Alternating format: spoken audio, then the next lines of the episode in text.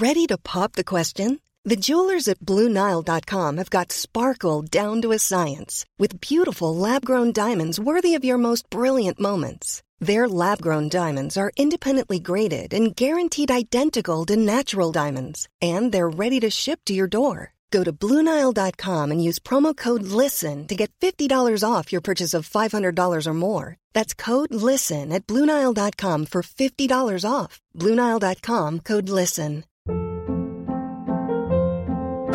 Hold up. What was that? Boring. No flavor. That was as bad as those leftovers you ate all week. Kiki Palmer here, and it's time to say hello to something fresh and guilt-free. Hello Fresh. Jazz up dinner with pecan-crusted chicken or garlic butter shrimp scampi. Now that's music to my mouth. Hello Fresh. Let's get this dinner party started. Discover all the delicious possibilities at hellofresh.com. One size fits all seems like a good idea for clothes until you try them on. Same goes for healthcare. That's why United Healthcare offers flexible, budget friendly coverage for medical, vision, dental, and more. Learn more at uh1.com. Hei og velkommen til Tirsdagsklubben med Becoming, en av Norges mest populære podkaster innen livsmestring. Jeg heter Belinda, og jeg driver denne podkasten sammen med Isabel. Sammen så ønsker vi å inspirere og motivere deg til å skape det livet du ønsker å leve. Mange tenker at livet blir til mens du går, men der er vi og Isabel ganske uenige. Vi mener nemlig at det er du som er skaperen av ditt eget liv, og at du har muligheten til å gjøre ekstraordinære ting, og at det hele starter med å stille deg sjøl spørsmålet 'Hvem er jeg på vei til å bli?' Vi oppfordrer deg til å tørre å ta deg sjøl på alvor, og nok en gang velkommen til en ny episode av Tirsdagsklubben.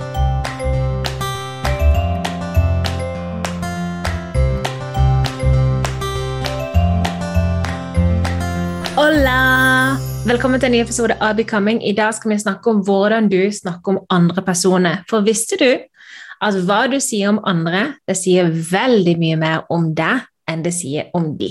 Om dette her er hvordan du omtaler nære og kjære, om det er hvordan du ringer til folk og forteller om partneren din, om barna dine, om venninnene dine, om naboen din, eller om det er hvordan du kommenterer de som går forbi deg, de som sitter på restaurant, de som kanskje har litt annerledes klær, de som kanskje er litt eksentriske, de som kanskje er litt annerledes. Uansett hva det er for noe, hvordan du omtaler andre, sier mer om deg enn det sier om de andre. Og I denne episoden skal vi gå litt i dybden på hvordan dette faktisk påvirker deg. Velkommen til ny episode av Becoming.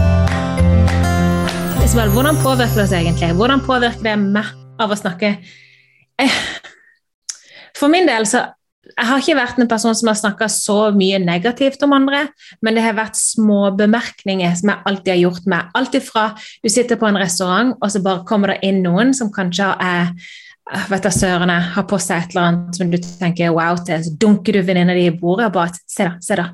Den lille tingen der. Bare sånne småting sier mer om deg enn de sier om andre.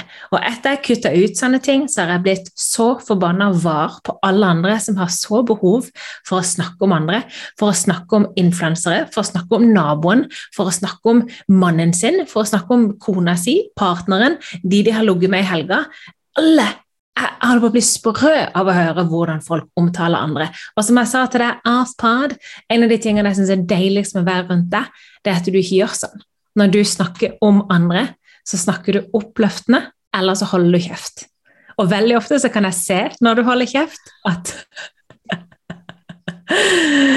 You may be thinking it, but you're not giving it any power. Så hvordan vil du si at det påvirker oss å snakke negativt om andre? Nedsette det. For det første så må vi huske på at sladder har jo vært en måte hvor som vi mennesker har gitt informasjon videre til hverandre på. Way, way, way back when, ikke sant? Det var en måte å, altså det var jo nyhetsbrev, det, Mm. i gamle dager. Hvor man ikke hadde Snapchat eller Instagram eller internett i det hele tatt. Eller internettet, som eh, tante min far ville sagt. Eh, så ble sladder en måte å, å eh, fortelle folk hva som skjedde. Så da var det en slags informasjonskanal. I dag så har sladder blitt et slags sort hull som du dykker ned i, og som du aldri kommer ut av. Fordi sladder og, og um, sladder kommer veldig ofte med fordommer. På engelsk har du et ord som heter judgment. I judge you. Og jeg syns det er mye bedre enn det norske fordommer, fordi det var det fordomsfulle høres så deg, og det høres så rart ut, for det måtte brukes ikke så mye. Men hver gang Og så tenker jeg sånn, ja, men jeg har jo ikke fordommer, jeg. Men hver gang du kommenterer noe om andre mennesker, som for eksempel at shit, så du hva hun gikk med, eller? Ah. Ser at hun har, at, eller for eksempel ser at hun har lagt på seg ah, Kanskje hun burde gå på en liten diett, ikke sant? Eller hver gang du kjenner på en frihet til å sette deg bak eh, telefonen din eller PC-en din og skrive en eller annen stygg kommentar til en eller annen på nett, fordi det føles bare som et sånt Du har liksom litt sånn retten til å gjøre det. Det, til, altså det gir deg selv en tillatelse til å være i en i en energi du, og ikke tankesett hvor du mister litt det menneskelige aspektet i deg.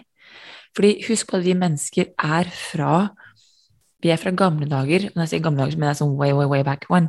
Stammefolk. Vi er ment til å ta vare på hverandre. Vi er egentlig ikke ment til å drepe. Dette var noe Brené Brown lærte meg um, Lærte meg rett etter um, at Donald Trump vant um, Donald Trump vant valget i USA. Og så sier hun at se på hvordan altså sånn, Demokratene det er et veldig godt eksempel, demokratene hatet hvordan republikanerne pratet om Hillary, Clinton som kvinne. ikke sant? Hun var mandig, hun var maskulin, ikke sant? alle disse tingene der. Så sier Brené Brown at men vær klar over at det er ikke noe bedre om hvordan de, hvordan de prater om Melanie Trump. Kvinne er kvinne, folkens. Ikke sant? Mm. Hvis du står og slenger dritt om at hun prøver å være vakker, hun prøver å være pen, hun prøver å pynte seg, hun er en bimbo, etc., etc. Samme, altså, det er samme, det er forskjellige ord, men i samme energi. Ja, og jeg mener at her er clouet. Det er at jeg sier at du kan og det, Jeg vet ikke om jeg har sagt det på den før, men jeg mener at det, du kan si ting altså Ordene du sier, er ikke så viktig. Det er energien du sier det i. Det er sinnsstemningen du sier det i. Du kan si sånn Det er ikke noe galt i det hele tatt. Jeg har det helt fint. Hvor mange har sagt det? Det er ikke noe bra i ren sinnefrustrasjon. Hvor du kan, du kan kjenne sinnefrustrasjonen på kroppen. Mens ordene, har, altså sånn, mens ordene det matcher ikke. Vel, sladder er litt på samme måte. Du kan si at du er så snill og god som du bare vil, men i sekundet du begynner å snakke nedsettende med andre, så snakker du faktisk automatisk også nedsettende om deg selv. Oh, wow. How? Hvordan? Fordi du sier at jeg er bedre enn de, ikke sant? Så du må bevise deg selv. Det er en, det er en, form, for å, en form for å jakte etter perfeksjonisme. Jeg sier at der perfeksjonismen går, kommer skammen rett etterpå. Perfeksjonisme og skam går hånd i hanske. Hvis du kjenner på et behov for å måtte heve deg selv over andre mennesker, så viser du til en usikkerhet i deg selv. Ikke sant? Kommentaren om at hun eksempel, Kan jeg få lov å bruke um, Harry Styles var på Fornebu eh, på fredag? Eh, mm. Eller, ja. Og fy fader. Eh, der var det mye jenter, unge jenter, som gikk og bare brudde litt. Men fy faen, men han har så sinnssykt fargerikt publikum, og det her er poenget mitt. Fordi Harry Stars publikum er, er fargerike og turte å kle seg. Og her er det sikkert for veldig mange mennesker behov for å kommentere. Rosa cowboyhatter, ikke sant? gutter som går med perlekjeder, altså alle disse litt sånn annerledes tingene. Hvis du da begynner å kommentere disse menneskene her, fordi de er annerledes, så sier du at du sliter med å akseptere mangfold. Du må passe inn. Du er usikker i å tørre å stå i fullt og helt egen kraft. Derfor er det lettere å kritisere de som gjør det, enn det å tørre å finne motet til å gjøre det samme selv. Ga det mening? Det ga veldig mye mening. Jeg hadde en opplevelse eh, for noen uker siden hvor eh, en mann hadde veldig behov for å rakke ned på eh, min mann, til menn, da. Eh, skulle liksom fortelle meg alt han syntes var kjipt med, med min mann, da. Helt hull i huet hva, hva, han tenkte, men det aner jeg ikke. Men det eneste jeg gjorde, var at jeg lytta. Og så stoppa han etter litt og så sa jeg unnskyld, jeg må bare spørre, fordi måten du snakker på nå, det gjør at du fremstår som utrolig usikker og ganske trist. Går det greit med deg? Har du det bra? Jeg bare overså de tingene han liksom prøvde å, å, legge på min mann. For det eneste jeg så, da var denne triste mannen. Og da ble han så satt ut. Han bare 'Vil du snakke om meg, ikke bitter?' Så jeg, men hadde du vært veldig fornøyd med livet ditt og hvordan ting fungerer, så hadde jo ikke du hatt det behovet du har for å prøve å fortelle meg negative ting om min mann. Min mann, som jeg syns er verdens snilleste, fineste, beste person. Hva i all verdens land og rike? Og da, Det er første gang jeg noen gang har fått den personen der til å holde kjeft. Det var faktisk med å holde opp det speilet og bare Nå høres du ut som en usikker, bitter og veldig, veldig trist mann. Og det var veldig deilig. Det var litt sånn frigjørende for meg, da. La oss bare være ærlige, du kjenner din mann sine usikkerheter, du kjenner din mann sine dårlige sider, ikke sant? Så det er sånn, du trenger Bedre enn noen. Ja, du trenger egentlig ikke å fortelle det til deg, for du har sånn Been there, done that, sweetie. Ja.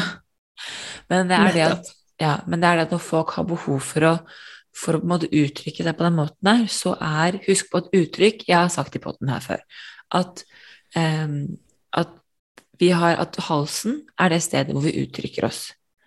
Det er derfor jeg skriker. Lyd, ikke sant? Følelse, energi, bevegelse. Lyd er vibrasjoner på lydbølgen. Det er en måte å få ut energi på. Når du har behov for å snakke dritt om andre mennesker, eller nedlatende, eller kall det hva du vil, negativt, så har du et ubehag i kroppen. Det du gjør, at du istedenfor å måtte sette i slipp på det, f.eks. ved å skrike eller andre ting, så velger du å angripe andre mennesker på det. Og hva er det man sier? At angrep er alltid beste forsvar. For en selvsikker person vil aldri angripe et annet menneske. Et selvsikker person vil kunne gå og tenke wow, tenk at du er eh, med, med Harry Styles' publikum så må at du tør å gå sånn. Det hadde jeg aldri turt. Mm. Ikke sant? Eller eh, eh, han mannen du pratet med, at wow, tenk at ektemannen til Belinda, Janko, får lov å leve det livet han lever. Wow! Tenk at mm. han har fått lov til å oppnå sin drøm. Wow, kan han, kan jeg? Mm. Men det, vi er som at vi fører en sånn usikkerhet over å skulle gå utenfor vår egen eh, komfortsone. At når andre mennesker gjør seg billig, veldig skummelt. Det fins ikke noe skummelt enn når andre sier at det er faktisk mulig. Nei, det er ikke det, vet du. Altså, og det er jo her den, den, måte, den nedlatende selvsnakken både du har til deg selv og til andre. Og det kan jeg si med en gang. At en person som um, snakker stygt om andre, eller nedlatende andre, kan jeg garantere deg at snakker nedlatende til seg selv. Veldig fin tanke da, å huske på at det er måten du blir behandla av andre da, det er et vindu som viser dem hvordan de behandler seg sjøl. Mm. Og jeg er en av de måte, en bok jeg leste way, way, way back when, helt i starten hos meg, var Judgment Detox med Gabby Bernstein. Mm. Og den og Radikal tilgivelse er to bøker som har hjulpet meg med akkurat det her, for å få bukt på det faktumet, for jeg har, og det skal jeg ærlig med, jeg har tanker som kommer på hodet mitt, som ikke er så veldig hyggelige, som er fordomsfulle. altså, de kommer automatisk. Og det er helt greit, men jeg har et valg med hva jeg velger å gjøre med de. Og men det jeg har skjønt, er at jo bedre forhold jeg har til meg selv, jo mindre behov har jeg for å reagere på dem. Jeg kan se dem, jeg kan observere dem, men jeg trenger ikke å reagere på dem. Det er det å tørre å ha den roen til å sitte og si ok, vi er uenige. Men jeg mener at mye av det her handler om usikkerhet. Mye av det her handler om frykt for det ukjente. Og så handler det mye om en form for misunnelse, fordi det er noe det de andre mennesker altså sånn, Jeg husker ikke hvem som sier det, men hvis det er noe du ikke liker i andre mennesker, så er det alltid fordi det symboliserer noe du ikke har i deg selv, eller noe du skulle ønske du hadde.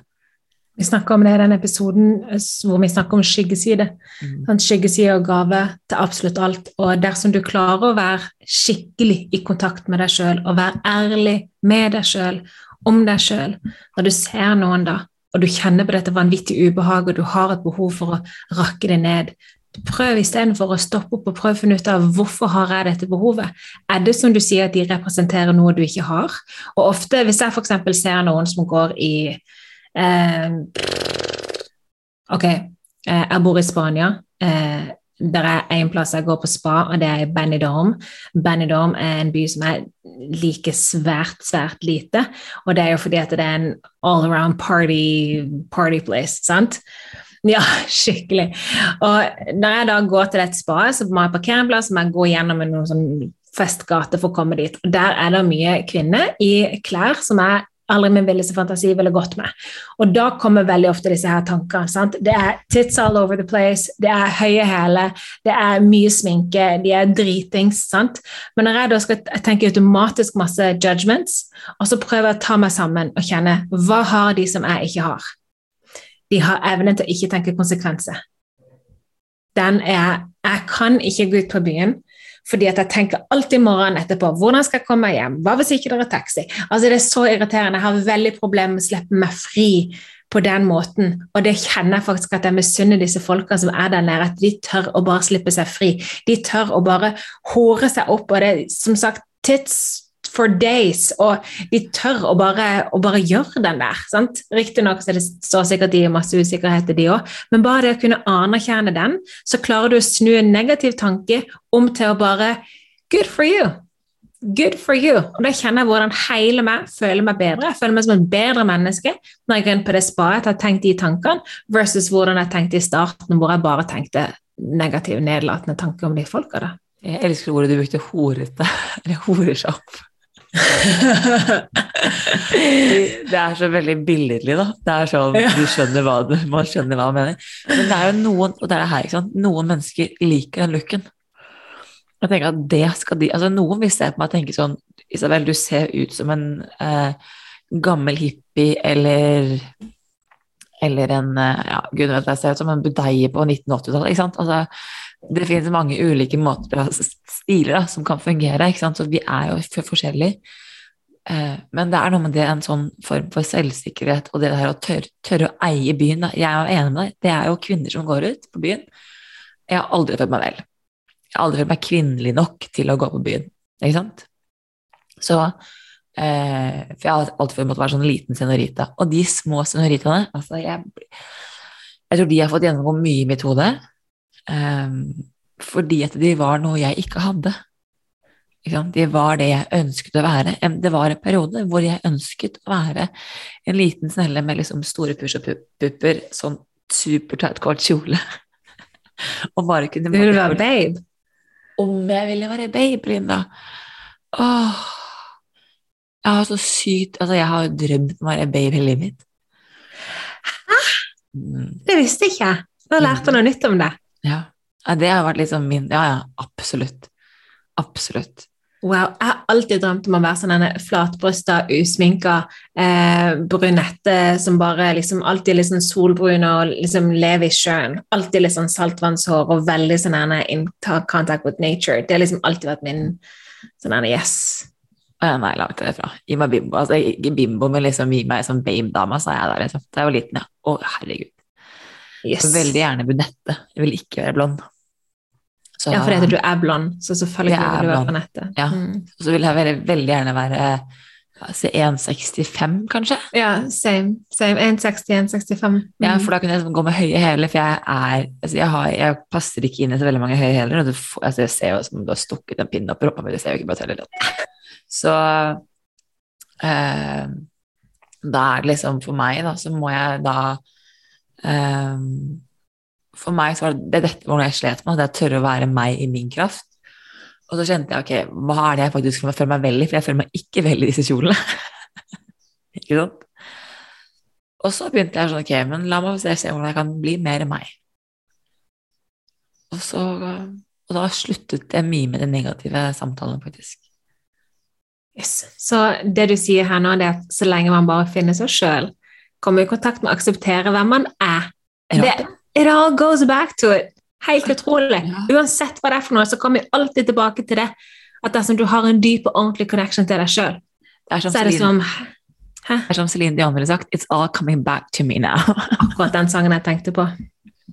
Den har jeg på min løpeliste. Nå har ikke jeg løpt på en stund, men den er Yes. Så det er jo det, men det er det å være klar over at det er veldig ofte liksom sånn Hvis du ser, ser på det sånn fem steg, da, så er liksom steg Det første steget i, i det at du skulle endre, er å beklage at det er noe som på en måte ikke stemmer i deg. Og da er negativ, de, de, negative småkommentarene de er veldig fine, for det er sånn første skritt på at ok, her er er det et eller annet. Og veldig mange er ikke klar over at de gjør det. Veldig mange mennesker er ikke bevisst hvor mye negativt A de sier til deg selv, B som, eller snakker om andre. Du har faktisk behov for å bli minnet på det og få et speil for å se hvor um, Skal jeg passe meg på ordbruken her, men hvor dårlig det står til da, med det å bruke andre som en form for mål av å skyte sin frustrasjon ut på, eller sin usikkerhet på. Fordi at usikkerhet mener jeg er noe av det som, som faktisk ja, Det tror jeg tar veldig mange flere mennesker enn det vi tror. Mm. Jeg tror mm. veldig mange mennesker at det å være usikker er å være en liten sånn, litt sånn skjør jente som står borti hjørnet, og som gjemmer seg. Jeg tror ikke folk helt har skjønt hva, altså usikkerhet som en følelse, og hva det faktisk gjør med oss. Dette her med komplimenter, for eksempel, der vet jeg at det jeg har hatt mye samtaler med masse flotte kvinnfolk det siste året angående dette her med usikkerhet. Og det å gi komplimenter det har for veldig mange vært veldig vanskelig. Det er som om de har følt at dersom du skal du syns noe godt om et annet menneske, og dersom du skal si det, så er det som de føler at nå får dette mennesket alt, og du sjøl sitter igjen med ingenting. Derfor skal jeg i hvert fall ikke si noe til dem, så de ikke får alt. La meg få lov til å ha noe sjøl. La meg få lov til å ha noe verdi. Men så er jo realiteten er jo at det sekundet du sier noe til noen andre som er oppløftende, så får du 10 000 ganger i retur.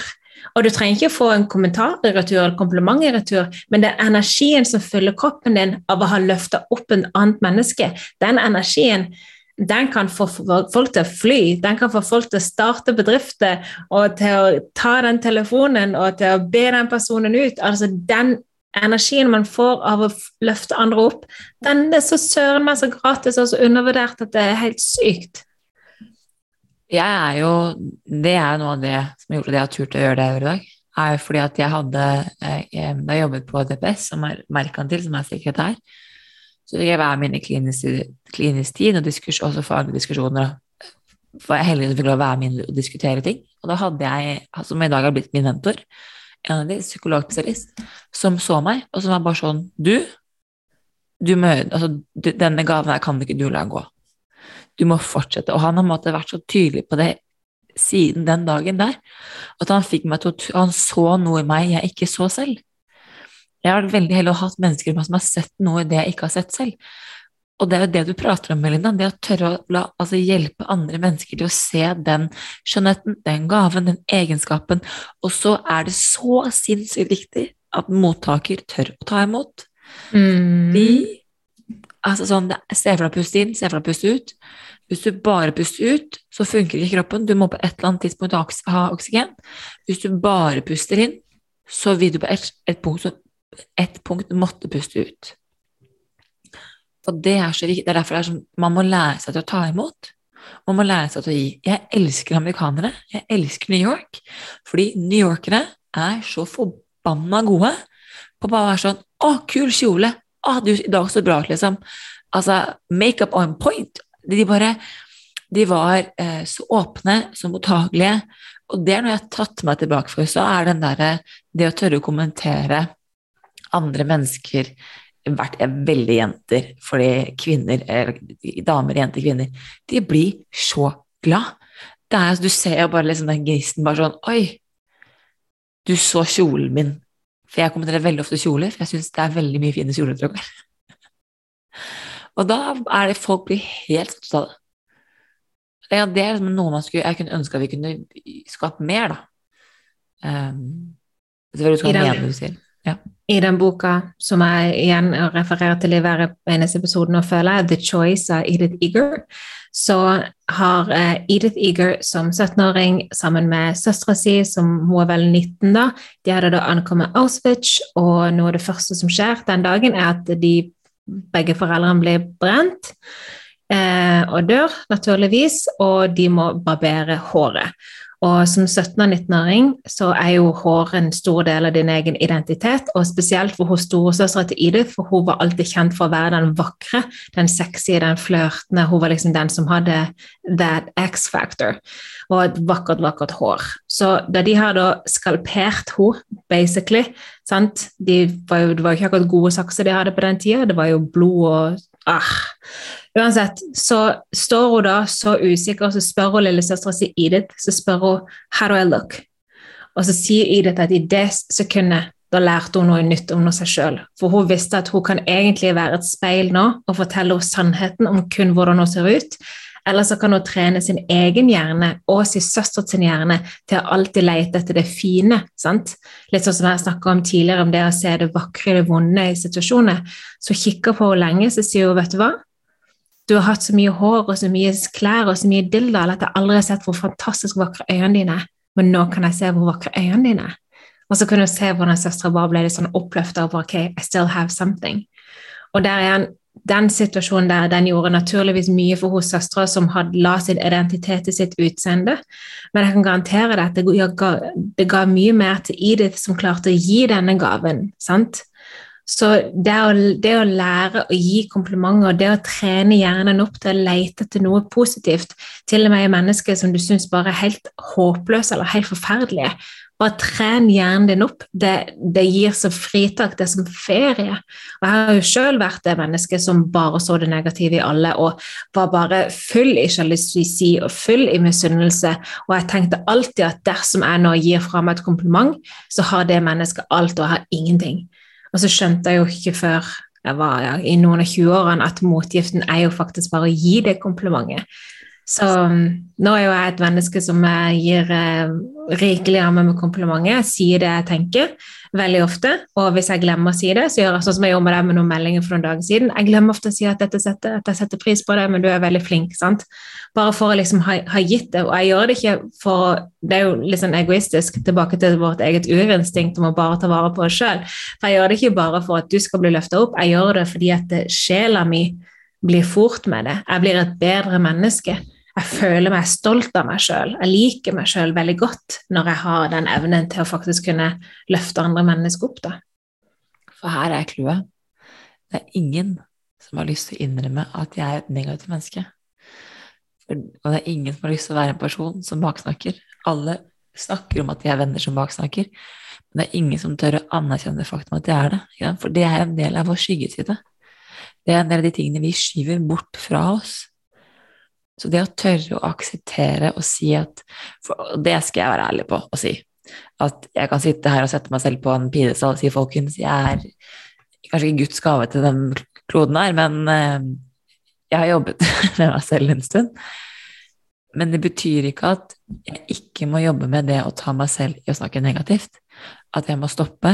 At jeg faller altså Fordi det å snakke negativt om andre er jo liksom tidenes raskeste vei tilbake off-mentaliteten. ikke sant? Og det er ikke at jeg ikke faller off-mentaliteten, for det gjør jeg daglig nesten.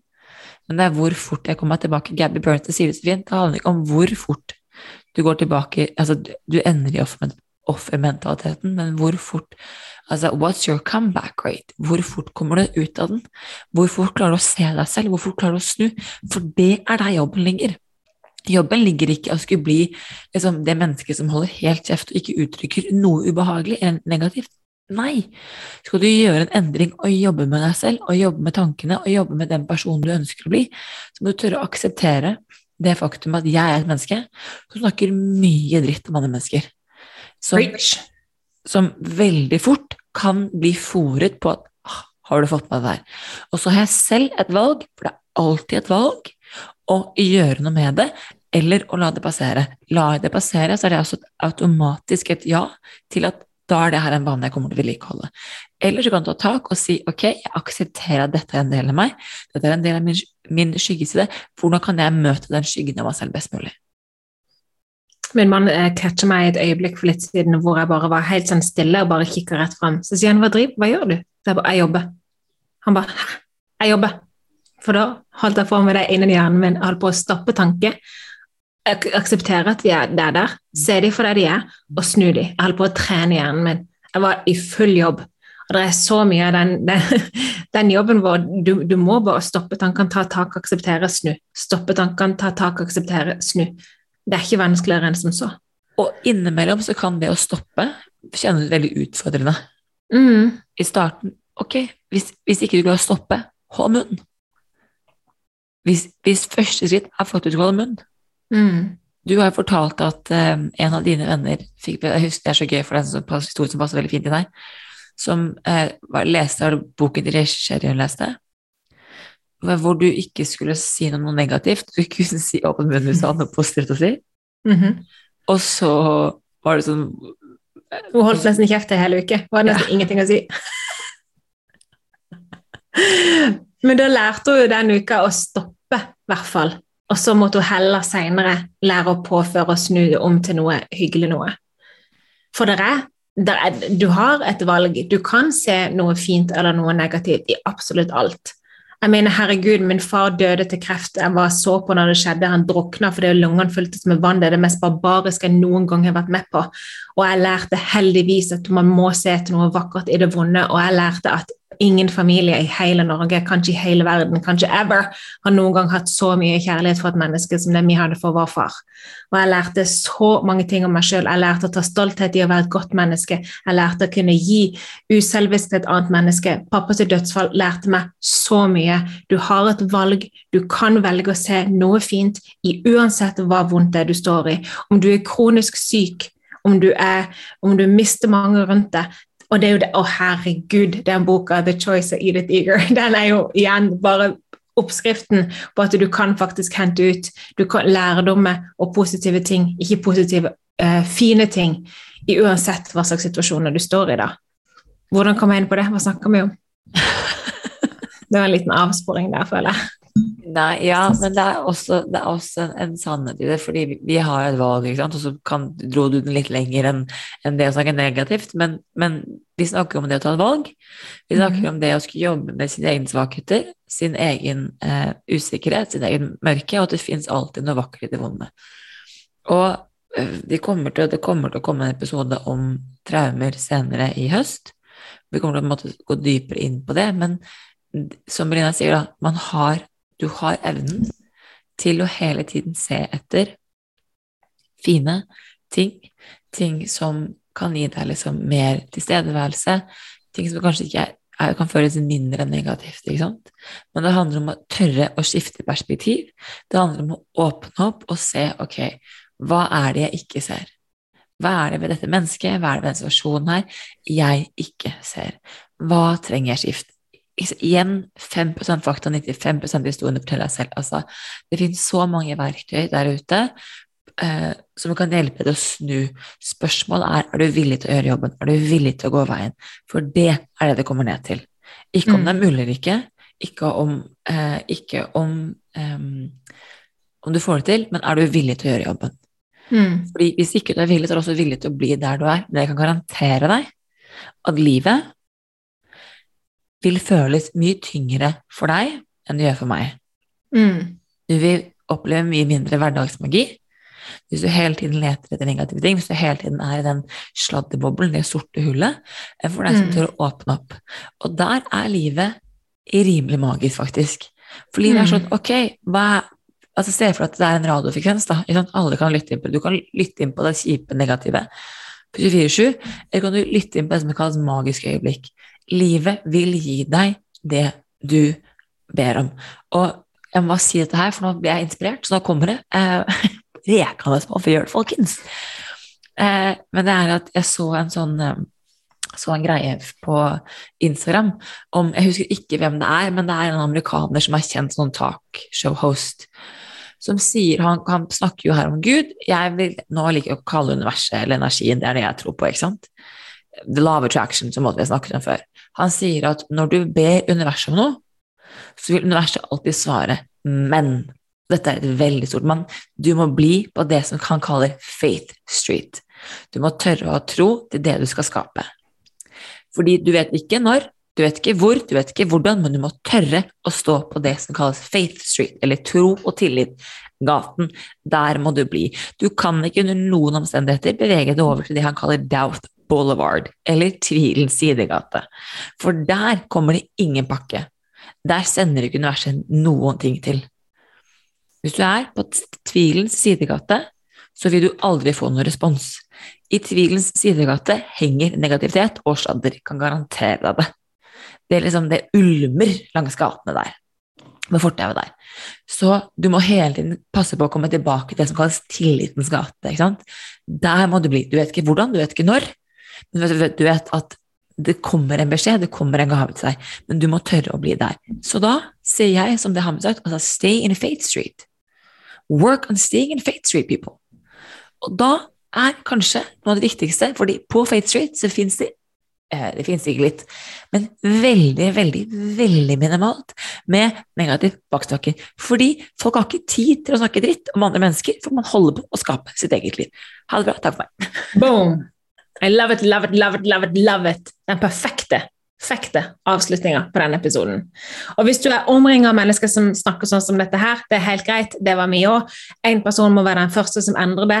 Prøv å ikke gi så mye fyr til bålet. Prøv ikke bare Jeg vet hvor enkelt det er når du har vært med et menneske over litt lengre tid, plutselig så bare er det lettere å bare kommentere den personen og bare joine det innpå, men prøv å drive med litt avledningsmanøver. Prøv å bare ikke gi det noen ting. Prøv å switche det. Eh, bruk det som en sånn treningsøkt for deg sjøl. Hvordan kan du se etter noe positivt nå. For eksempel, du sitter på restaurant, venninnene di kicker deg våre og sier 'se på henne, spes kjole'. Så kan du snu det om til 'jeg skulle ønske jeg hadde selvtilliten til å kunne gå i en sånn kjole'. Ok? Sant? Snu det, snu det, snu det. Det er en treningssak. Før, eller, før du vet ordet av det, så er 'everybody in Faith Street'. Ok? You can invite them in. Amazing. For de av dere som ser på oss nå, nå har vi jo begynt å filme våre, våre podkaster. Du kan se oss på Fjæseren på Facebook, på eh, Becoming the, the, Podcast. Du kan se den episoden på YouTube. Um, så hvis de av dere som ser nå, de ser at Isabel har sånn deilig overtenning. Yes. Ja, nå blir jeg gira. Ok, people. Gå ut der, tren hjernen din, vær et godt menneske, løft hverandre opp. Og uh, spread goodness, spread kindness. Yes. Bye. Ha det.